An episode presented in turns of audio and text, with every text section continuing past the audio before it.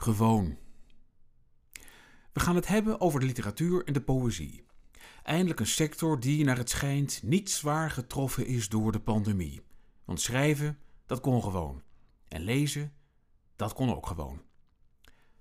Het was even slikken toen ik Pieter van der Wielen deze zinnen hoorde zeggen, ergens rond de kortste dag in het onvolprezen radioprogramma Kunststof. Ik had niet verwacht dat ik, na dit onvoorstelbare klotenjaar, uitgerekend in een kunstprogramma zo'n klap in mijn gezicht zou krijgen. Toen dacht ik, het zal een prikkelende stelling zijn, klaar om genuanceerd te worden door de gasten. Maar dat gebeurde nauwelijks. Romancier Oek de Jong leek opgelucht dat hij niet zoveel contact met zijn medemens hoefde te hebben. Dichter Tjerd Bruinja vond het wel jammer, die gemiste optredens, maar eigenlijk ook wel lekker rustig. De jonge spoken word kunstenares Rachel Roumai Diaz kwam er in een bijzin op terug dat het geen eenvoudig jaar was, maar dat was het wel zo'n beetje. De stelling stond in feite nog recht overeind. Schrijven, dat kon gewoon. Als je het zo stelt, was er dit jaar niets aan de hand in de kunsten. Want muziek maken, beeldhouden en schilderen, dat kon thuis ook gewoon. Je kon een heel album opnemen als je de spullen in huis had. Je kon opera zingen in je eigen achtertuin. Of acteren dat je thuis een kerstmaal kookte uit de laatste blikjes in de kelder.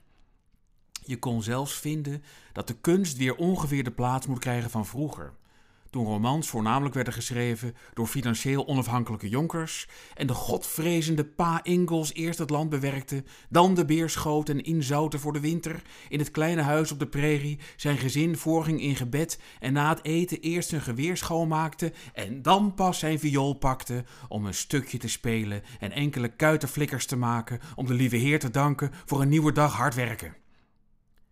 Het is dom en zinloos om leed te vergelijken.